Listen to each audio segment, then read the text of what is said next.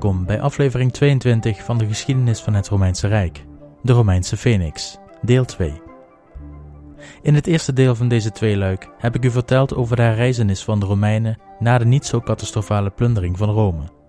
We hebben ons gericht op het buitenland en de oorlogen die uitbraken naar aanleiding van de moeilijke situatie waar Rome zich in bevond. Deze week gaan we de binnenlandse gebeurtenissen bekijken die zich afspeelden tussen de jaren 400 en 350 voor Christus. We gaan hervormingen van het bestuurlijke apparaat zien die op aandringen van de plebeiers dan eindelijk gerealiseerd worden. We zien een Romeinse held van de plundering van zijn hoge voetstuk afvallen en eindigen de aflevering helemaal klaar voor de periode die komen gaat, de verovering van Italië.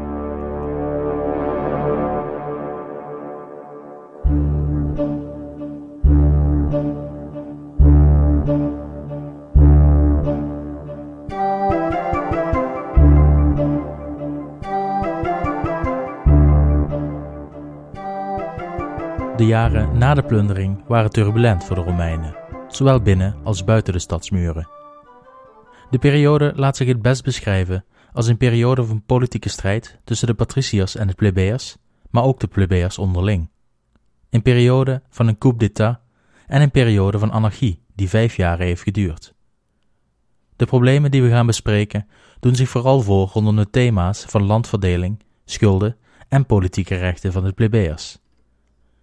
Als eerste gaan we het hebben over de landverdeling en de schuldencrisis. Deze twee zijn namelijk nauw aan elkaar verwant. De verdeling van nieuw verworven land was al een lange tijd in doorn in het oog van de plebeiers. Ik heb u in een eerdere aflevering verteld over de roep om meer landen als ager publicus in te delen en het gehoor dat hier gedeeltelijk aan gegeven werd. De ager publicus werd dus al aangevuld met meer landen. Wat was dan het probleem? En wat is de relatie met de schuldencrisis? Het probleem van deze publieke landen in de vierde eeuw voor Christus lag niet aan de hoeveelheid land dat werd ingedeeld als ager publicus. Deze was na de verovering van Veii namelijk al flink in grootte toegenomen.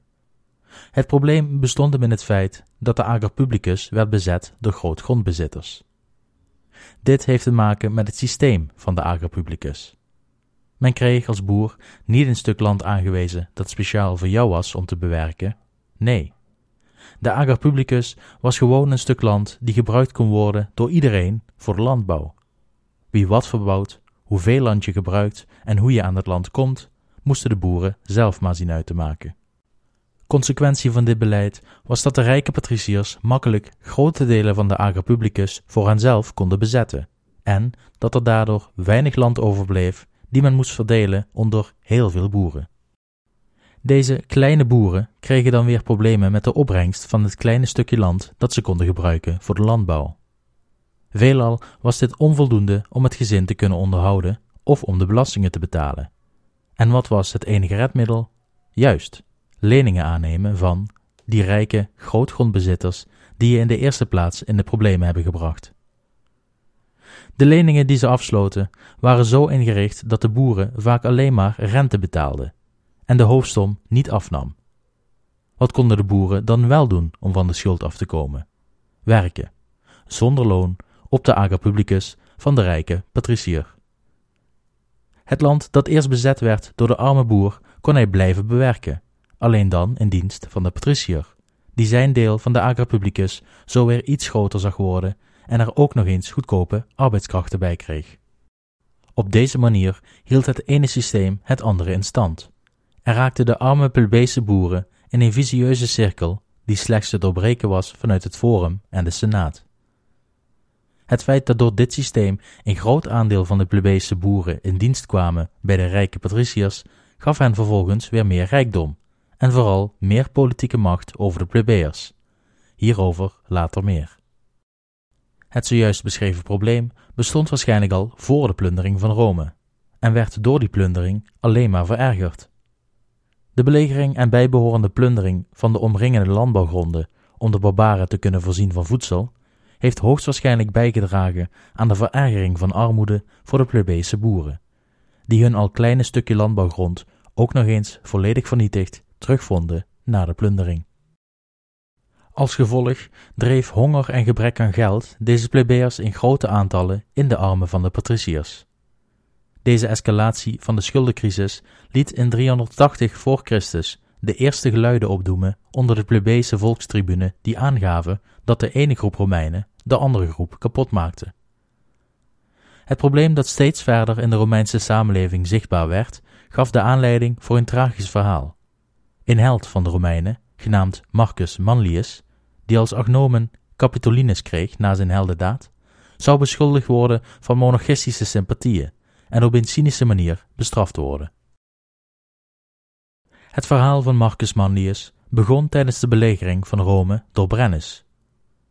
Manlius is de held die op tijd werd gewaarschuwd door de ganzen van de god Juno en kon voorkomen dat de barbaren de rotsen langs de Capitolijn omhoog konden klimmen. Hij ontving zijn bijnaam naar de plek waar zijn heldendaad zich had afgespeeld, de Capitolijn. Marcus Manlius Capitolinus werd na zijn heldendaad een van de bekendste personen in Rome. Hij diende meermaals in het leger in hoge rangen en behaalde successen met de Romeinen in de oorlogen die we besproken hebben in de vorige aflevering. Hij diende tijdens deze veldtochten vooral onder de dictator die werd aangesteld, de grote Marcus Furius Camillus, de tweede stichter van Rome. Het zat Manlius niet lekker dat Camillus alle lof kreeg voor het bevrijden van Rome. Er zou immers geen Rome meer zijn geweest om te bevrijden als hij de Galliërs niet van de klif had gegooid. Hij was jaloers dat Camillus nu als dictator zijn gelijken kon behandelen alsof het mindere waren, en hij was van mening dat niet Camillus, maar hij deze eer toebedeeld zou moeten krijgen. Maar daar dachten zijn medepatriciërs, helaas voor hem, heel anders over. Toen hij op een dag over het forum liep, zag hij hoe een groep lictors een man in kettingen over het forum begeleidde, op weg naar de Marmentijnse gevangenis. Hij herkende de man in kettingen als een van zijn meest capabele soldaten die onder hem had gediend in een van de oorlogen. Hij spoedde zich naar de lictors en vroeg hen wat hier de bedoeling van was. De man had schulden, die hij niet langer kon afbetalen. Daarom was hij veroordeeld en werd hij gevangen gezet. Manlius zag in de man hetzelfde onrecht dat hem was aangedaan. Een man die stank voor dank kreeg. Hij kon het aangezicht niet verkroppen dat deze goede Romeinse burger en soldaat werd afgevoerd als slaaf, alsof hij gevangen was genomen door de Galliërs en andere vijanden waarbij hij eerder had geholpen die te verslaan. Manlius legde zijn rechterhand op de in kettingen geslagen man en riep uit dat met dezelfde rechterhand waarmee hij het kapitool had gered, ook deze man zou redden van zijn ondergang. Hij beloofde de man te bevrijden door zijn schulden te betalen, en ter plekke betaalde hij aan de lictors het bedrag dat de man verschuldigd was. De man werd bevrijd van de kettingen en het aanwezige volk brak in euforie uit. Manlius werd op het schild geheven voor wat hij had gedaan voor de plebeier. Manlius genoot zichtbaar van zijn nieuwe populariteit en hij had zijn nieuwe rol gevonden.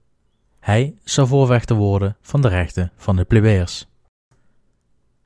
Hij bevrijdde zoveel plebeiers als hij kon uit de schulden. Hij schreef speeches vanuit zijn woning op de Capitolijn die inhoudelijk niet ver afweken van een speech van een volkstribuun.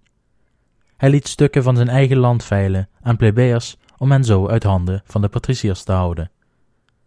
Zijn onrechtvaardige gevoel liet hij botvieren op de klasse waar hij zelf deel van uitmaakte. De patriciërs waren dan ook niet te spreken over de nieuwe carrière van Manlius.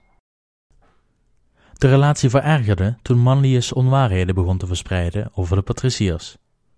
De patriciërs zouden het goud dat van de Galliërs gered zou zijn, achter hebben gehouden voor zichzelf. Het goud dat volgens Manlius werd verzameld van hardwerkende plebeiers, was na de plundering in handen van de patriciërs, en het was genoeg om alle plebeiers te bevrijden van hun schulden en slavenbestaan. De macht van Manlius werd steeds groter, en de plebeiers werden steeds meer overtuigd van zijn gelijk. Toen de dictator terugkeerde van zijn oorlog tegen de volksken en hij hoorde wat er in Rome speelde, riep hij de senaat bij elkaar.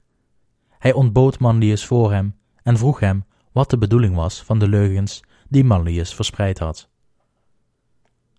Manlius gaf antwoord, alsof wat hij zei waar was, en voegde eraan toe dat de dictator niet naar zaken moest vragen waar hij zelf het antwoord op wist. De dictator liet zich echter niet voor het karretje spannen en hij beval Manlius te stoppen met zijn kakofonie en leugens. Hij zou terstond aantonen dat hetgeen hij beweerde waar was. Zo niet, dan werd hij linea recta in hechtenis genomen tot hij berecht zou worden. Manlius kon zijn beweringen niet bewijzen en de lictors gooiden hem de gevangenis in. Terwijl hij begeleid werd, riep hij luidkeels: O Jupiter, Juno en andere goden die leven op de Capitool, laat u deze hand, welke u gered heeft van de Gallische nachtmerrie, nu afvoeren in kettingen? De smeekbede hielp hem niet, en hij werd de gevangenis ingeworpen. De plebeiers, ontevreden als zij waren met de arrestatie, wisten dat zij niets konden doen tegen een bevel van een dictator. Ze ondernamen daarom geen actie tegen de beslissing, maar lieten wel massaal hun haar en baard groeien, in teken van rouw en waarschijnlijk in stil protest. Er werd door de dictator een rechtszaak voorbereid. Manlius zou als enig doel hebben het winnen van zieltjes van het volk, om zo een gooi te kunnen doen naar het koningschap. Het volk geloofde er echter niets van. Er waren al eerder leidinggevende figuren van ze opgepakt en geëxecuteerd. Iedere keer als er iemand voor ze opkwam, werd hij ineens beschuldigd van het nastreven van de kroon. Toen de rechtszaak plaatshield op de gebruikelijke plek en de patriciërs hun bezwaren naar voren hadden gebracht, gebeurde er iets waar men geen rekening mee had gehouden. Manlius wees ineens met gestrekte arm naar het kapitool, die perfect te zien was vanaf het forum, en hij hield een vlammend betoog over zijn heldendaad. Zijn betoog werd gegeten als zoete koek en zelfs de patriciërs realiseerden zich dat zij de man niet konden veroordelen naar zo'n vlammend betoog in de schaduw van de plek waar hij zijn heldenstatus had verworven. De rechtszaak werd uitgesteld en verplaatst naar een van de poorten van de stad, waar Manlius niet theatraal naar het kapitool kon wijzen en hij zijn goden niet meer zo direct kon aanroepen. Dat zijn lot al bezegeld was, werd duidelijk toen bleek dat geen enkel familielid uit de gens Manli aanwezig was om hem te verdedigen. Zelfs de vrouwelijke familieleden kwamen niet in de gebruikelijke klederdracht om een steun uit te stralen. Zijn broers, net als Manlius, belangrijke politici in Rome, stonden niet naast hem om hem bij te staan. Hij was volledig verlaten door de patriciërs. Hij werd gezien als overloper en met het ontbreken van zijn theatrale wijze naar de kapitool werd hij veroordeeld tot de dood. En niet zomaar een dood. Hij zou de kapitolijn nog één keer beklimmen, in kettingen, tot aan de rand van de Tapese rots. Hij zag nog eenmaal de plek waar hij tientallen Galliërs de klif afjoeg, hun dood tegemoet, om vervolgens in 384 voor Christus in zelfde dood tegemoet te vliegen. Na de dood van Manlius heeft de gens Manli gezworen nooit meer een zoon de naam Marcus te geven. En zo komt het verhaal van Manlius aan haar eind. Het executeren van Manlius deed niets om de problemen van de schulden en de landverdeling op te lossen. Sterker nog, in de jaren erna, in 380 en 378 voor Christus, worden door Livius wederom onlusten weergegeven. Dit heeft wellicht te maken met de aanleg van de nieuwe stadsmuur, waar ik in de vorige aflevering over vertelde, die betaald en gebouwd moest worden. Pas in 367 voor Christus werd eindelijk de eerste stap genomen om de schuldencrisis te verlichten. De wetten die bekend zijn geworden onder de naam die ik nu ga proberen uit te spreken, de Leges Licinae Sextiae, ofwel de wetten van Licinius en Sextius. Deze wet bepaalde onder andere dat leningen alleen konden worden afgesloten zonder rente, en dat betalingen die voorheen alleen renteschulden deden aflossen, nu de daadwerkelijke hoofdsom zouden aflossen. De wet werd aangenomen, maar al na één dag in de wind geslagen. De leningen verplaatsten zich naar de zwarte markt, waar men simpelweg benen brak of kinderen verkocht als er niet betaald werd. Echter brachten de jaren die komen in de volgende aflevering in verlichting in de schuldenproblematiek, wanneer er genoeg landen worden veroverd om ook de plebeiers te kunnen voorzien in hun bestaan, zonder leningen. De grote stukken land die bewerkt werden door de schuldenaars konden tegen die tijd onderhouden worden door echte slaven, gevangen genomen tijdens de talrijke oorlogen tegen de Samnieten en haar bondgenoten. In 327 voor Christus werd het systeem van deze dwangarbeid helemaal afgeschaft toen werd er een wet aangenomen die de plebeiers en andere burgers beschermde tegen dit soort wanpraktijken. Dan bespreken we in het laatste deel van deze aflevering de strijd van de plebeiers om gelijke politieke rechten. Ik heb u verteld over de wens van de plebeiers om consuls te leveren, maar dat dit door de patriciërs werd tegengehouden door het creëren van een nieuw ambt, de militaire tribuun met consulaire macht, ook wel consulaire tribuun geheten.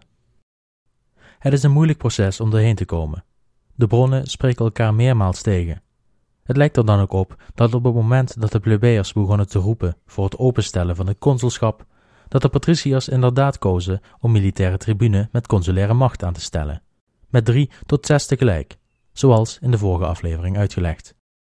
Frappant hieraan is echter dat in de eerste 44 jaren dat de militaire tribune aangewezen werden, er slechts één van plebeiers komaf was, terwijl je zou verwachten dat de plebeiers massaal mensen naar voren zouden schuiven uit hun eigen klasse, nu ze die mogelijkheid kregen. Livius geeft als motief hiervoor dat de plebeiers zichzelf niet zouden vertrouwen met een dergelijke verantwoordelijkheid. Maar hedendaagse historici geven een andere draai aan het feit. De Comitia Centuriata, waar de consulaire tribune werden gekozen, gaf namelijk geen anonieme stem. Men kon dus makkelijk geïdentificeerd worden. Ook de schulden speelden hierin een rol. Patriciërs verplichten waarschijnlijk de schuldslaven om op een bepaalde kandidaat te stemmen. Pas na 400 voor Christus worden meermaals een aantal plebeiers gekozen tot consulaire tribuun, en zo'n 30 jaren later, in 366 voor Christus, wordt de eerste plebeese consul gekozen. De wet van Licinius en Sextus ging dus over schulden, de verdeling van land en als derde punt het openstellen van het consulschap. Je zou denken dat alle plebeiers openstonden voor dit idee, maar dit was eenvoudigweg niet zo. Toen Licinius en Sextus voor het eerst werden gekozen tot volkstribune in 375 voor Christus, was dit het begin van een tienjarige ambtsvervulling. Direct bij hun aantreden stelden ze hun oplossingen voor om de problemen met de plebeiers aan te pakken. De landverdelings- en schuldenwetten stuitten niet zozeer op hevig verzet, maar het openstellen van het consulschap zeer zeker wel. Ze bleven debatteren, lobbyen en zeuren om hun wetten, maar zonder resultaat. Daarom besloten Sextius en Licinius om een veto in te zetten om zo nieuwe verkiezingen van militaire tribune met consulaire macht te voorkomen. Dit deden ze vijf jaar op rij, terwijl ze steeds werden herkozen door de plebeiers als volkstribuun. Effectief betekende dit dat Rome zonder gezaghebbers zat en dat het bestuur in de stad op zijn spreekwoordelijke gat lag. De anarchie kwam uiteindelijk aan een eind doordat Rome werd bedreigd van buitenaf en er nu wel snel een legerleider aangesteld moest worden. Het verzet tegen een open consulschap verschoof van plek. Niet langer waren de patriciërs valikant tegen, maar de plebeiers begonnen zich er ook tegen te keren. Dit had twee oorzaken.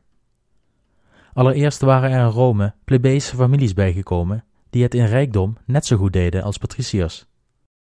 Ze waren in principe patriciërs in alles behalve naam. En sinds de wet der twaalf tafelen was aangepast om gemixt huwelijk toe te staan, zagen de patriciërs hun kans schoon. Dat geld kon nog wel eens goed gebruikt worden om campagnes voor het consulschap te financieren. Aan de kant van de plebeiers bestonden de zorgen dat wanneer het consulschap opengesteld was voor plebeiers, dat de kandidaten zich niet meer zouden bekommeren om de plebeiers. Om consul te worden had je geld nodig, veel geld. En als je je onpopulair zou maken bij de patriciërs, maakte je je campagne alleen maar moeilijker. Dit laatste zien we dan ook vrijwel direct gebeuren toen in 367 voor Christus het consulschap werd opengesteld voor plebeiers. Het aannemen van de wetten van Sextius en Licinius was een keerpunt in de Romeinse politiek. Vrij snel na elkaar werd de bestuurlijke monopolie van de patriciërs op veel belangrijke functies afgeschaft.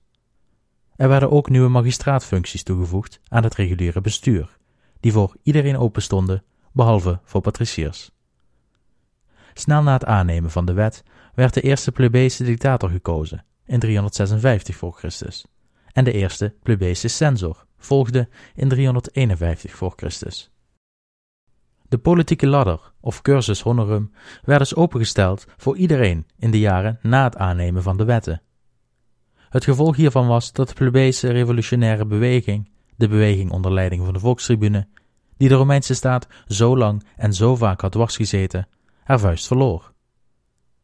Oorzaak hiervan was dat de volkstribuun niet langer de hoogste functie was die een plebejer kon behalen. Consul worden, dat was het doel en dat kon alleen door de ladder te doorlopen en functies te bekleden in die ladder. Het was voor de plebejse leider niet langer nodig om zich in te zetten voor de arme plebejer. Men moest in de maat lopen, politieke vrienden maken om de ladder omhoog te komen, in plaats van hen tegen de schenen te schoppen om rechten te verwerven voor de plebejers. U ziet het, het motief van de plebejers om het consulschap niet open te stellen was gegrond. De plebejers waren hun slagkracht kwijt, maar kregen daarvoor in de plaats wel meer rechten terug. Steeds meer worden de plebejers toegelaten tot ambten die eerst voor hen gesloten waren, totdat in 287 voor Christus, nog een tijd in de toekomst van onze podcast, de plebejers vrijwel gelijk worden gesteld met de patriciërs. Tot zover deze relatief korte update over de strijd van de plebejers binnen Rome. In de volgende aflevering gaan de Romeinen beginnen aan de verovering van het Italiaanse schiereiland, wanneer de Samnieten, in Italisch volk, de Romeinse expansie dreigen in te perken. De websitepagina van deze aflevering zal korter zijn dan u gewend bent, daar er weinig beeldmateriaal beschikbaar is over het onderwerp van deze aflevering. Op de Facebookpagina zal ik wel een filmpje plaatsen die een goede uitleg biedt over de cursus Honorum, zodat u de verbanden ziet tussen de verschillende functies die nodig waren om een trede hoger te geraken op de ladder. De volgende aflevering gaat over een uitgebreid conflict en zal dus wat tijd vereisen om het te kunnen inlezen. Ik houd u op de website en op de Facebookpagina uiteraard op de hoogte over de ontwikkelingen. Voor nu wederom bedankt voor het luisteren en tot de volgende keer.